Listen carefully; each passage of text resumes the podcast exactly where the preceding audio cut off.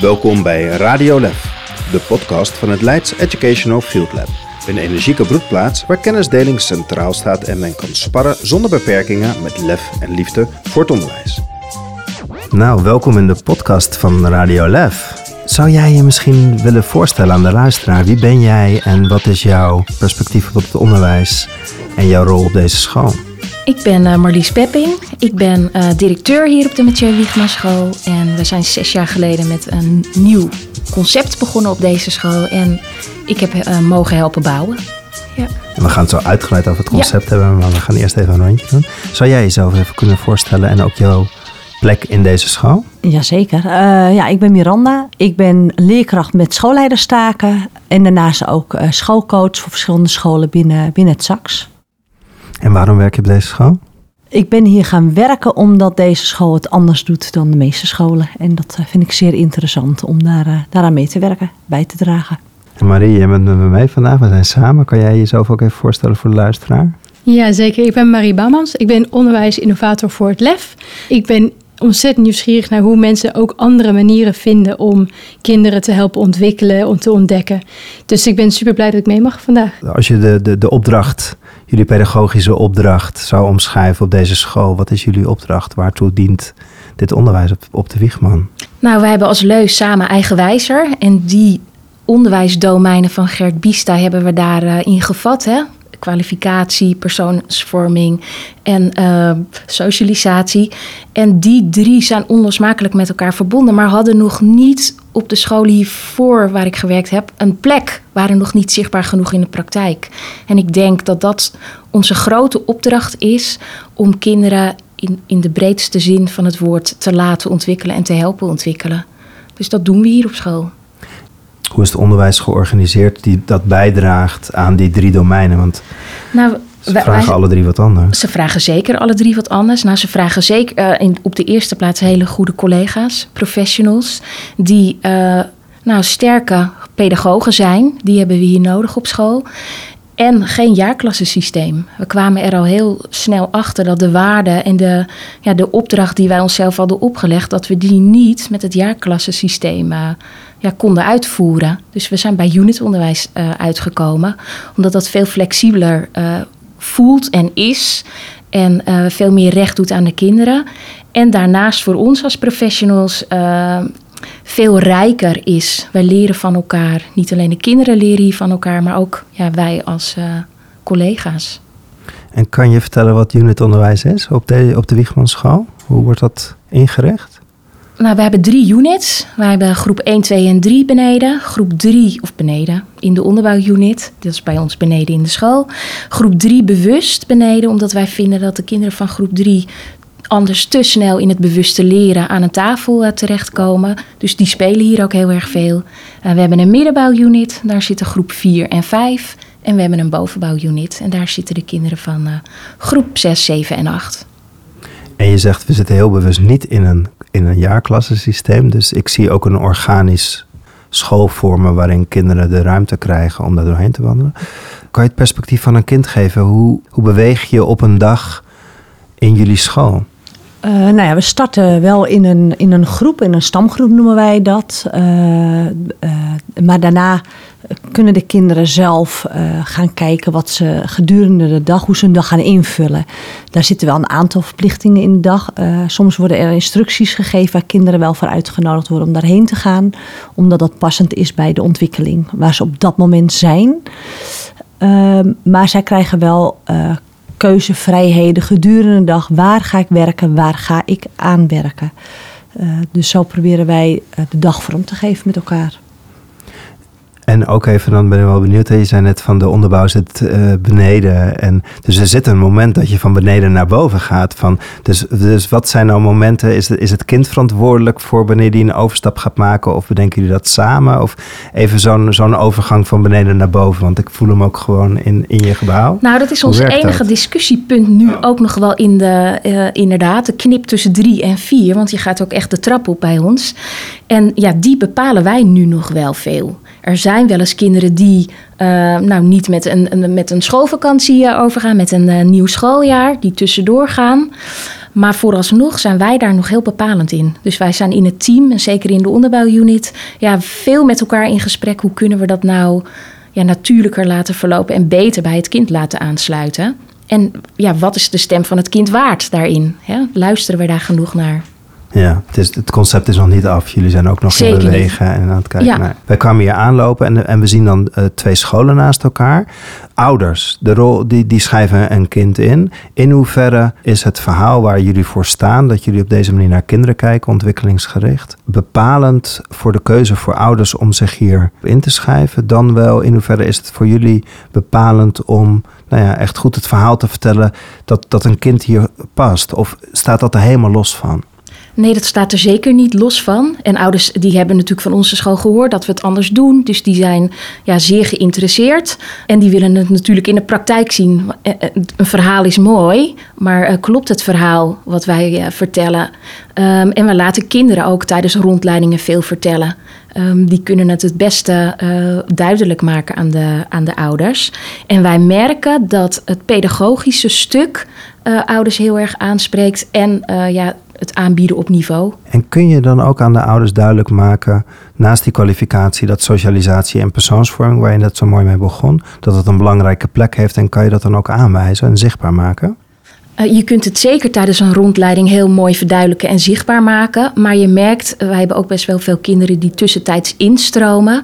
En die ouders snappen meteen wat je bedoelt. Die zien het, die ervaren het, die, die snappen meteen de bedoeling. En je merkt dat ouders van jonge kinderen toch nog wel ook op zoek zijn naar veiligheid en vertrouwen en, en, en meer, uh, nog wel meer naar nou, omgeving kijken dan naar het verhaal van de school. Tijdens het verhaal van Karen Heij over de eindtoets, toen was er een van de, van, uh, was er een leerkracht die stond op en die zei: We stoppen gewoon met de CITO-eindtoets. En toen zei zij: Ja, maar onderschat niet de kracht van ouders. Die willen He, die komen ook door het systeem, die willen dat hun kind zo goed mogelijk. He, die, die, willen, die zijn vaak heel gericht op kwalificatie.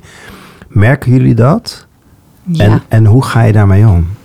Ja, dat merken we. Um, ouders die, die willen heel graag wel weten waar hun kind staat. Dus het zijn nog wel erg gericht op wat zijn de resultaten, wat is het uitstroomprofiel van mijn kind. En zeker als je richting de bovenbouw uh, gaat komen als leerling.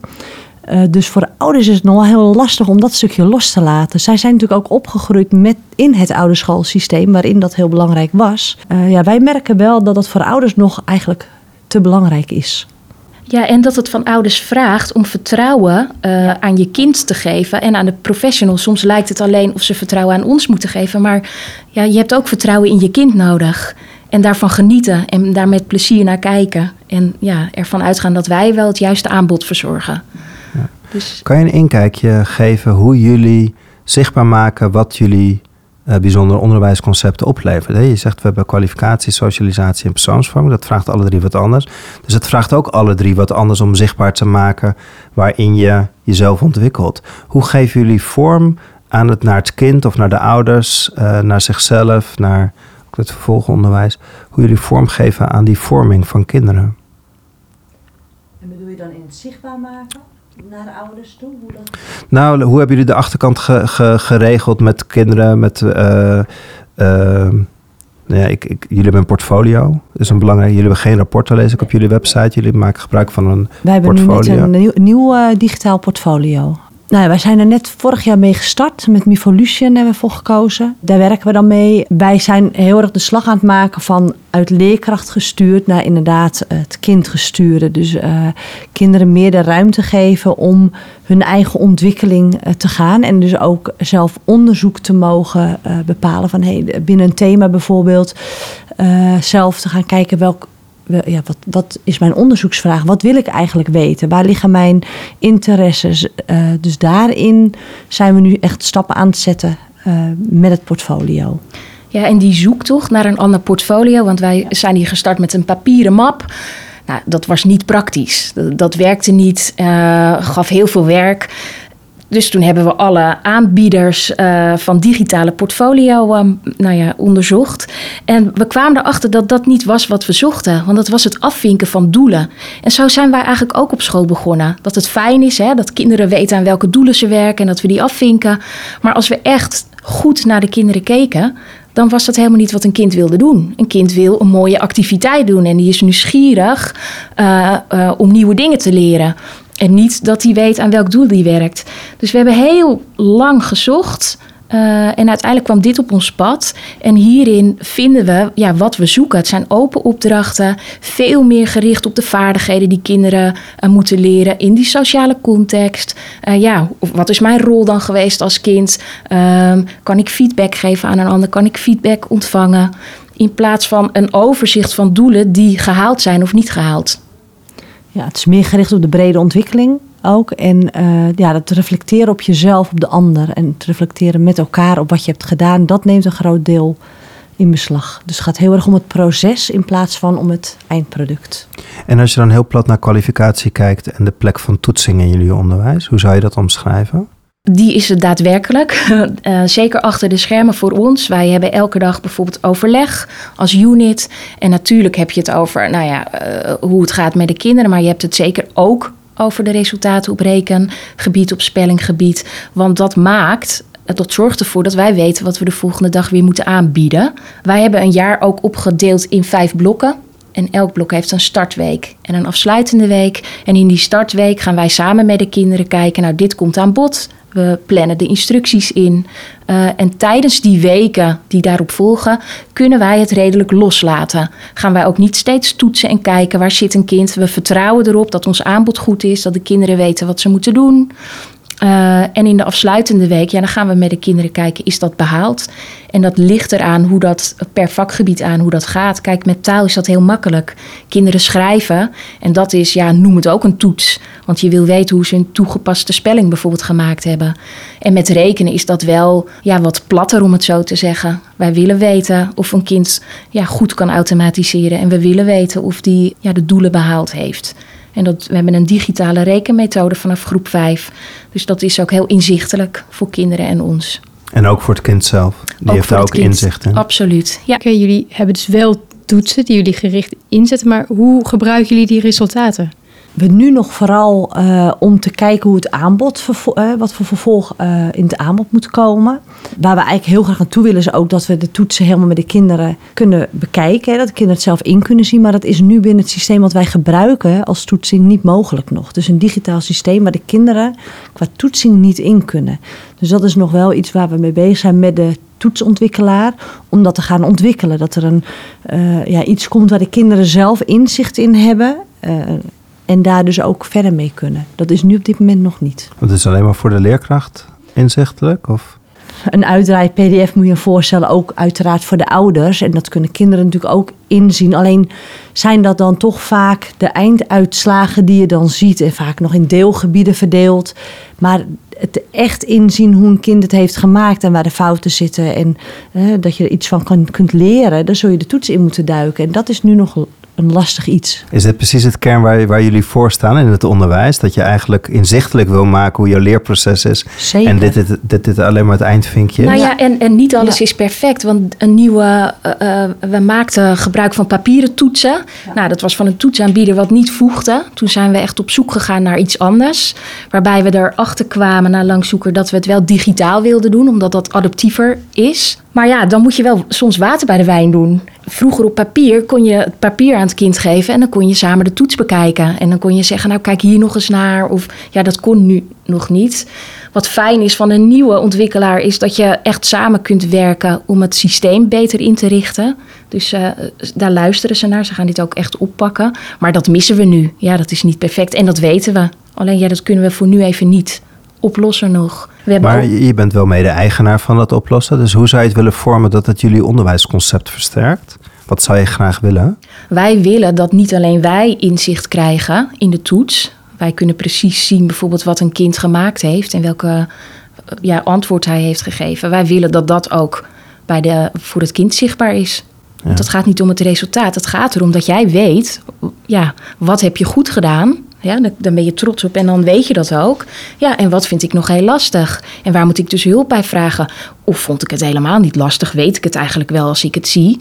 Maar had ik gewoon, uh, was ik even niet zo oplettend? Uh, en dat is denk ik heel goed voor kinderen, om dat gesprek met kinderen aan te gaan. Of met ouders ook. Soms komen ouders ook op school en dan gaan ze samen met hun kind uh, de toets bekijken. Ja, prima. Ja, en het liefst wil je natuurlijk ook dat, het kind, uh, zeker naarmate het wat ouder wordt, zelf gaat bedenken van hé, hey, ja, wat, wat, wat is nu mijn vervolgstap? Wat wil ik dan gaan leren nog of wat heb ik nog nodig? Uh, sommige kinderen zijn helemaal niet intrinsiek gemotiveerd om überhaupt een toets te maken. Die maken daar een, uh, hè, maken zich ervan af. Ja, als ze dat inzichtelijk zien van hé, hey, dit is dus wat er dan uitkomt, dan dan gaan ze daar wel anders naar kijken, denk ik. En ook als ze zelf kunnen inzien van wat vind ik dan nog lastig? Waar loop ik dan tegenaan en wat heb ik daarvoor nodig? Dat zou natuurlijk heel mooi zijn. Kijk, en wij hebben ons bij dat toets, nou ja, we hadden een club met mensen die uh, de toetsen gingen onderzoeken, ook wel afgevraagd: ja, kunnen we ze allemaal uh, buiten de school houden? Uh, zitten er verplichtingen aan die we moeten doen? En wat hebben wij nodig van de kinderen uh, om te zien? Toen kon er echt heel veel weg. Dus we doen alleen het hoognodige. Um, doen we twee keer per jaar ook in toetsweken. Alleen in die toetsweek gaan we ook uh, met kinderen in gesprek. Hoe gaat het nou met jou? ja, hoe gaat het op school? Uh, heb je moeite met dingen? Natuurlijk doe je dat gedurende het jaar, maar in zo'n toetsweek heb je echt even een moment met je coach waarin je wat langer gesprek hebt, één op één. Dus dat hoort ook bij een toetsweek. Hey, je zegt een, een mooie tussenzin, hè? er kon heel veel weg. Er kon wat, heel veel wat weg. is er verdwenen? Wij stapten hier in de school en toen waren er zelfs nog kleutertoetsen. Dus die hebben we als allereerste de deur uh, uit kunnen doen. Woordenschat hebben Woordenschat we was uitgehaald. hier. Ja, echt eruit gaat. We wilden heel graag ook de spelling eruit halen. Ja. En dat is nog steeds een discussiepunt waarin we tegen heel veel uh, dingen aanlopen. Want spelling is niet verplicht. Wij hebben het niet nodig om zicht te krijgen op de kinderen. Ons inziens hebben de kinderen het ook niet nodig uh, om te weten waar ze staan. Alleen wij zien. Zeker in groep 3, dat wij nog niet voldoende weten: is een kind, heeft, wordt het een risicospeller of lezer? En hebben wij toetsen nodig om een kind voor dyslexie aan te kunnen melden? En die vinden we wel heel spannend, want wat bepalen wij dan als we het niet doen uh, ja, voor het kind? Wat, wat, blokkeren wij dan? Dus ja, we doen het niet bij alle kinderen, maar we doen het toch, zeker in groep 3, ja, bij, bij een grote groep kinderen wel. Waarvan we denken, nou, dat zou nodig kunnen zijn. Het, basisonderwijs is best ingewikkeld hè, met de 58 uh, kerndoelen die ze hebben. Jullie hebben een portfolio. Jullie vinden het belangrijk om aan alle drie de deeldomeinen te doen. Hoe hebben jullie met elkaar grip op het, op het geheel? Want um, het is geen chaos in de school, maar je kan het van de buitenkant wel denken van... hey, al die kinderen lopen op hun eigen niveau en ieder zit, zit ook echt letterlijk op zijn eigen niveau... en verantwoordt ook voor een deel zichzelf. En je volgt het ten opzichte van zichzelf. Hoe hou je dan overzicht over al die kinderen in die units... ook ten opzichte van kerndoelen die wel centraal omschreven staan? Ja, we werken in ieder geval met uh, specialisten... Dus uh, de rekenspecialist die volgt de, de ontwikkeling op het gebied van rekenen. De taalspecialist op het gebied van taalspelling. Dat scheid je, dat, daar heb je al in ieder geval geregeld dat iedereen een eigen stuk volgt in de ontwikkeling. En we hebben elke dag ook na dat de kinderen naar huis gaan met elkaar het gesprek. Wat heb jij gezien? Waar moeten we iets mee? Zijn er kinderen die iets nodig hebben van ons? Dus met elkaar weet je eigenlijk heel veel. En kunnen jullie dat, leggen jullie dat op een bepaalde manier vast? Dat dat ook weer terug te halen is? We houden wel zeker dingen bij voor onszelf. Ja, wij werken met een, een OneNote systeem waar alle leerkrachten in kunnen. En uh, voor elke leerling hebben wij, uh, ja, maken wij dan een uh, pagina aan voor onszelf. Waar we in bijhouden wat er besproken is. Of, Kijk, in elk blok moet. krijp je ook weer bij elkaar en ga je wat dieper op de kinderen in dan je elke dag doet. Van hey, we lopen alle kinderen even langs. Hoe staan ze ervoor? Wat zijn de aandachtspunten? Welke actie? Hè? Want daar gaat het voornamelijk om. Welke actie moeten wij als leerkrachten op gaan zetten? En twee keer per jaar maken alle coaches van de kinderen een overzicht. En daar gaat het uh, voornamelijk om. Um, nou, op de vakgebieden, maar ook voor het leren, leren, de vaardigheden sociaal-emotioneel. Nou ja, die vullen wij in. Is niet geheel objectief, hè? dat blijft subjectief. Is een kind gegroeid volgens verwachting? Is hij niet gegroeid? Is hij boven verwachting gegroeid? Want het, wij willen graag dat je weet of je in actie moet treden als leerkracht. Wat moet je doen? Nou, en die dingen geven ons voldoende grip ja, om de zicht op de ontwikkeling te houden. Wij proberen veel tussendoor uh, gedurende de dag gesprekken te hebben met kinderen. En daar haal je heel veel informatie uit. Wat vraagt het van leerkrachten om dit volgens nou ja, jullie hele sterke visie zo in te richten met elkaar op school. Ja, wat je merkt als we net nieuwe collega's krijgen, is dat collega's nog vaak heel erg vastzitten in het oude uh, systeem. Hè? Dat ze dus heel lastig vinden om dat los te laten. Dus wat het nodig heeft, is dat je uh, veel met elkaar in gesprek gaat, sowieso over het onderwijs. Ja, het moeten wel mensen zijn die anders durven kijken naar, naar, naar kinderen en uh, naar het hele onderwijs. En dat ook willen. Ja, echte pedagogen die vol vertrouwen de dag doorgaan met de kinderen en die daar plezier in hebben. In, in samen met de kinderen activiteiten bedenken. En die ook durven om als er iets moois gebeurt waar ze een grote ja, betrokkenheid bij te zien is. Ja, om dat meteen weer te omarmen. En niet te denken, kijk, want het is hier niet stil.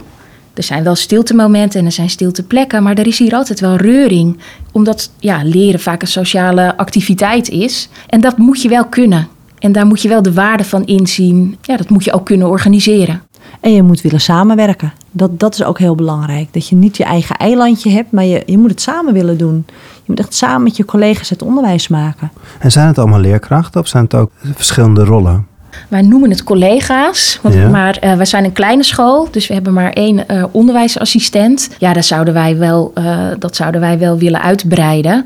Alleen wij merken ook dat we nu in deze fase waar de school in zit, ook nog wel leerkrachten nodig hebben voor het portfolio, voor de oude gesprekken. Maar in de toekomst zouden we dat zeker ook anders zien.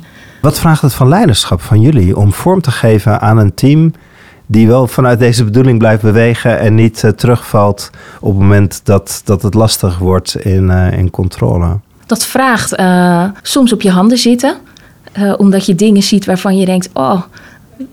Dat, dat, ja, dat hadden we anders gedaan. Maar ook wel om bepaalde, onze waarden heel erg te bewaken. Uh, die moeten we terugzien op de vloer, die moeten we terugzien in het handelen. Daar bevragen we ook op. Maar ook wel om ruimte te geven om mensen het vertrouwen te geven ja, dat ze het kunnen. En, en als mensen dan iets doen waarvan wij in eerste instantie denken: ach, dat hadden wij liever anders gezien. Het is oké. Hoe we met de kinderen omgaan, wat kinderen nodig hebben, dat hebben wij ook nodig. Ik kan me heel goed voorstellen dat er leerkrachten zijn die nu luisteren. Die denken: ja als ik naar de school binnenloop, wat gebeurt daar nou zo anders? Echt, wat zie ik in hoe de leerkrachten met de leerlingen omgaan of met elkaar? Wat zie ik nou anders aan een leerkracht? Hoe die handelt? Meer het kind volgen, geen methode volgen die centraal staat. Uh, maar vooral kijken wat er nodig is. Dus inderdaad ook daarin op je handen zitten af en toe. En uh, ja, soms even wachten. Nou, en wat ik zie als ik dan door de school loop, dat is echt de gesprekken die met de kinderen gevoerd worden.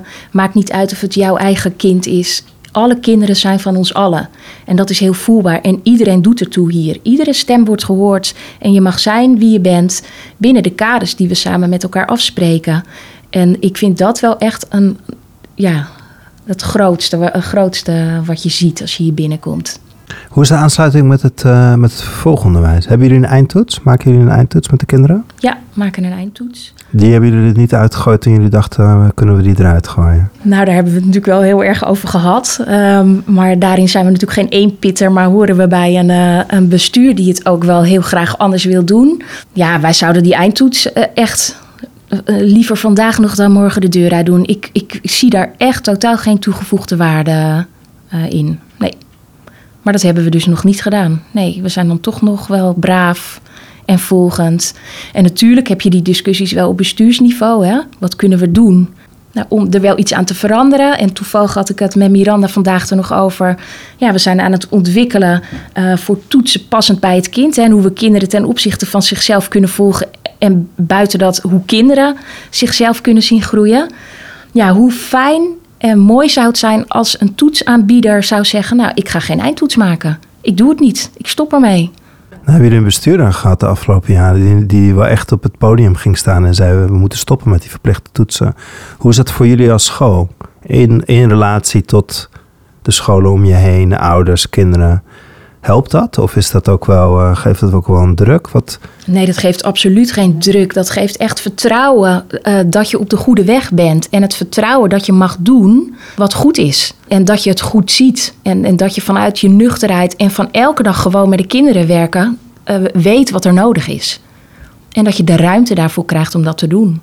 Ik vind dat enorm helpend. En ik denk ook dat de die stemmen nodig zijn om verandering te krijgen. Want als je het zou mogen tekenen, hoe zou het er over een paar jaar wat jullie betreft uitzien? Is die eindtoets echt weg? Ja. Ja, zeker. Ja. En dan? Ik, ik, ik zou er echt voor pleiten dat de druk van adviezen op een later eh, tijdstip plaats gaat vinden. Ik vind dat het onnodig druk legt in groep 7 en 8. Bij ouders, bij kinderen, maar zeker ook bij leerkrachten. Ehm, dus dat zou en mooi het is niet nodig, want je kent de kinderen al hè, sowieso al heel goed. Dus een eindtoets is, is wat mij betreft als leerkracht geen toegevoegde waarde. Als het goed is ken je je kinderen. En je twijfelen kun je altijd nog iets eh, doen. Hè, iets onderzoeken of uitzoeken. Nou, en helpt het de VO-scholen om in te schatten wie het kind is? Want jij wil weten of het kind over de juiste vaardigheden en interesses beschikt.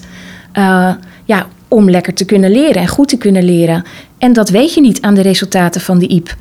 Of van de diatoetsen of de CITO, in ieder geval van de eindtoets. Dat haal je er niet uit. Dus wat vertelt het ons? En waarom doe je het dan toch? Waarom wij het toch doen? Nou ja, dat is een bestuursafspraak. Eh, en dat klinkt misschien een beetje flauw. En omdat ook wij, ja, je wil de kinderen ook niet in verlegenheid brengen. Het is nog te radicaal om dat niet te doen. Ja, ik zou dat niet aandurven. Net zoals wij nog een spellingstoets afnemen. Ik vind het te kwetsbaar. Maar zou ik eh, het willen doen? Ja, heel graag. Als ik zeker zou weten dat kinderen daar niet de dupe van worden, prima. En als ik zeker weet dat de bekostiging van de school bijvoorbeeld er niet aan vasthangt, hè, want dat raakt ook weer de kinderen, prima. Zou ik me genoeg kunnen verantwoorden? Ja, dat kunnen we. Hartstikke goed. Spelen ouders daar nog een rol in? Denk dat ouders niet zo bepalend bij ons in ieder geval op school zijn eh, in het wel of niet behouden van de eindtoets. Ik, ouders hangen meer aan het advies en gewoon hoe je het kind gedurende zijn eh, basisschooltijd volgt. Ja, die Dus willen ik- wel weten hoe je hun kinderen volgt. Maar ik denk niet dat zij vasthangen aan een eindtoets. En komt dat doordat, even naar het begin van het gesprek, dat, is het circulair? Dus dat jullie gewoon heel be- bewust vertellen, hier staan wij voor, we doen het op deze manier. En dat die ouders daar dus ook dat vertrouwen in, in, in hebben? Wij proberen ouders wel heel erg mee te nemen in het verhaal. Dus ik denk zeker dat dat mee eh, helpt. Ik denk ook dat het helpend is, maar ik zou hem ook wel breder durven trekken. Ik denk dat, ouders niet, dat het voor ouders niet heel belangrijk is, die eindtoets. Het advies is belangrijk. En dan even de andere kant, hè, want we vorig jaar allemaal in de coronatijdperk misschien wel naar de serie klassen zitten kijken. Absoluut, ja. De, de tegenkracht is ja, maar misschien heeft die leerkracht mijn kind wel te weinig gezien. En kijk maar, op die toets scoort hij dusdanig, die leerkracht heeft me niet goed gezien. Nou ja, nog meer reden om het onderwijssysteem anders in te richten. Je moet niet een één leerkracht een beslissing laten maken. Dat doe je in een team. Een team met professionals. Ook de groep 1 leerkracht moet betrokken worden bij het advies. Want die heeft het kind gezien. Dat doe je met z'n allen. Ik kan me voorstellen dat ouders dat denken. Maar in de praktijk geloof ik nooit dat één leerkracht een advies neemt. Het is een heel team wat erachter staat. Lukt dat jullie? Ja, want je zegt eigenlijk van het takes a village to raise a child. Het Ja. hele team staat daarachter. We kennen ook het lerarentekort. Corona heeft ook laten zien dat we kwetsbaar zijn in, in dit beroep. Lukt het om die community bij elkaar te houden? Ja, dat lukt hier heel goed. En ja, we zijn echt een team, maar doordat we gewend zijn aan samenwerken en we vangen elkaar ook op bij ziekte en wij voelen daardoor ook, alle kinderen zijn van ons, dus we gaan het ook samen oplossen. Er zijn nooit vragen van, nou, ik heb het te druk, dus dat kan ik even niet doen. Nee, dit is onze opdracht, dus die gaan we met z'n allen vervullen. Ja, je bent iets aan het ontwerpen geweest en aan iets opbouwen samen met kinderen en ouders en collega's. En als dat dan uiteindelijk lukt, ja, dat is mooi. Welke geluiden krijgen jullie terug van de, van de kinderen die naar het volgonderwijs of van de ouders thuis? Of hoe vergaat het er naar jullie? Nou, wat wij veel terugkrijgen is dat kinderen heel veel inzicht hebben in zichzelf. Dus dat eh, de kinderen vaak al heel goed weten wat hun sterke eh, punten zijn of eh, hè, waar ze wat minder goed, goed in, in zijn. En ik denk dat de brede ontwikkelingen ook, het plannen, het kunnen omgaan met een stukje vrijheid, ja, dat hebben ze al geleerd. Dus in dat opzicht maakt dat de stap naar het VO, waar dat ook al belangrijk is, wel wat eh makkelijker. En goed ik. kunnen samenwerken. Ja. En dat zie je op een dag hier ook als de kinderen aan het werk zijn. Ja, er wordt heel veel samengewerkt. Snel geschakeld. eh, en natuurlijk ook met een nodige conflict, conflict af en toe. Maar ja, dat is ook goed, daar leer je van. Ja, en dat maakt ook niet uit in welke groep. Dat vind ik altijd wel leuk om te zien. Het maakt niet uit in welke groep je zit. Of, eh, of je goed bent in leren of niet. In zo'n unit beweegt het allemaal door elkaar. En ook in samenwerkingsvormen. Ja, dan kan het heel goed zijn dat een leerling uit uh, lijn 6 samenwerkt met een leerling uit lijn 8. Uh, met een heel andere dingen waar ze goed in zijn. Natuurlijk krijgen we niet geluiden van onze kinderen terug dat ze het supergoed doen ten opzichte van andere kinderen. Dat, dat is ook niet onze bedoeling. Onze bedoeling is op de basisschool om de kinderen zo goed mogelijk te begeleiden en ze te helpen om zo zelfsturend mogelijk te zijn. Kijk, er gaan die kinderen of er komen kinderen in groep 1 die al heel uh, zelfstandig zijn. Ja, en we hebben ook kinderen in groep 8 ja, die altijd de nabijheid van de leerkracht nodig hebben. En het is prima. Dat is allemaal oké als we het maar weten van elkaar, als het kind het weet. Ja, en de kinderen weten natuurlijk ook van elkaar, dus kunnen ze elkaar ook weer um, helpen. Er waren veel uh, uh, schoolleiders, maar ook leerkrachten die in, in die serie eigenlijk de vraag stellen: help mij, ik wil deze kant op bewegen. Hoe ga ik beginnen? Wat, wat zou je luisteraars willen meegeven die hierdoor geïnspireerd raken en die die kant op willen gaan? Hoe kan je stappen met elkaar zetten? Wat helpt? Nou, in ieder geval door in de huidige context, die huidige praktijk, denk ik af te vragen: ja, welke dingen doe ik en waarom doe ik die dingen? Ik denk, tenminste als ik naar mijn eigen uh, verleden kijk, dat er op de scholen waar ik heb gewerkt veel dingen gebeurden omdat we het gewoon nou eenmaal zo doen. Dus stel ze alsjeblieft ter discussie. Luister ook naar het geluid van de minderheid. Luister naar de mensen die vanuit het eh, bedrijfsleven de basisschool binnenstappen. En omarm dat, want ja, uh, we hebben ze allemaal nodig. En ik denk dat in het onderwijs veel te lang gekaderd is gekeken naar, uh, ja, we doen de dingen nou eenmaal zoals we ze doen. En het is tijd dat we daarvan afstappen. En die vraag aan jezelf stellen: uh, is, het, ja, is het helpend voor het kind dat we dit doen? Helpen we de kinderen hiermee? Ja, en, en maak kleine stappen. Het hoeft niet in één keer dat je uh, radicaal helemaal omgaat. Uh, maar ook kleine stappen kunnen al hele mooie stappen zijn. En betrek de kinderen erbij. Die weten het echt donders goed wat ze nodig hebben. En dat zijn echt geen uh, wereldschokkende, vernieuwende dingen. Dus ja, bevraag ze en gebruik uh, die antwoorden. Jullie kijken allebei heel zelfverzekerd uit je ogen als jullie over vertellen. Waar lig je wel eens van wakker? Waar denk je wel eens van, goh, doen we dit nou goed? Waar zit jullie zorg? Ik maak me absoluut nooit zorgen over de ontwikkeling van de kinderen, zeg maar, door het aanbod. Natuurlijk maak ik me wel zorgen als een kind niet ontwikkelt zoals we dat met ouders en school verwacht hadden. Um, waar ik me zorgen maak, is dat wij elkaar in onderwijsland veel meer zouden moeten ondersteunen. Ik denk, doordat we zo verschillend zijn, um, we niet het, juiste verhaal altijd vertellen. En dat het voor ouders echt heel erg lastig is uh, om door al die verschillende meningen een juiste keuze voor hun kind te maken en te vertrouwen op de professionals. Ik, daar lig ik wel eens wakker van. Halen we niet uh, als onderwijs zelf ja, de expertise van onze collega's onderuit? Is er iets niet aan bod gekomen wat je nog wil zeggen? We hebben al heel veel gezegd. Nou, het, gaat steeds over onderwijsvernieuwing. Maar ik, ik vind het veel logischer dat wij aan het doorontwikkelen zijn en dat wij moeten doen wat er nu is. En ik vind dat onderwijsvernieuwing uh, niet helpend is voor de scholen uh, die doen uh, wat het onderwijs zou moeten doen. Ik vind niet dat wij onderwijsvernieuwend bezig zijn. Ik vind dat wij op een hele logische manier aan het doorontwikkelen zijn. En het woord onderwijsvernieuwing geeft ouders, denk ik, toch een soort idee dat het een soort proefkeuken is of een proeftuin waar dingen geëxperimenteerd worden. Maar we weten nog niet zeker of dat in de toekomst gaat werken. Kijk, ze weten wel zeker hoe zij onderwijs gehad hebben. Ja, dat werkt. Ze zijn allemaal goed terechtgekomen. Dus ik zou ervoor willen pleiten dat we dat woord wat minder vaak gebruiken. Dit gesprek was er eentje uit de serie Radio Lef. De podcast voor de Leidse broedplaats waar kennisdeling centraal staat en men kan sparren zonder beperkingen met lef en liefde. Voor meer informatie kijk op www.hetlef.nl.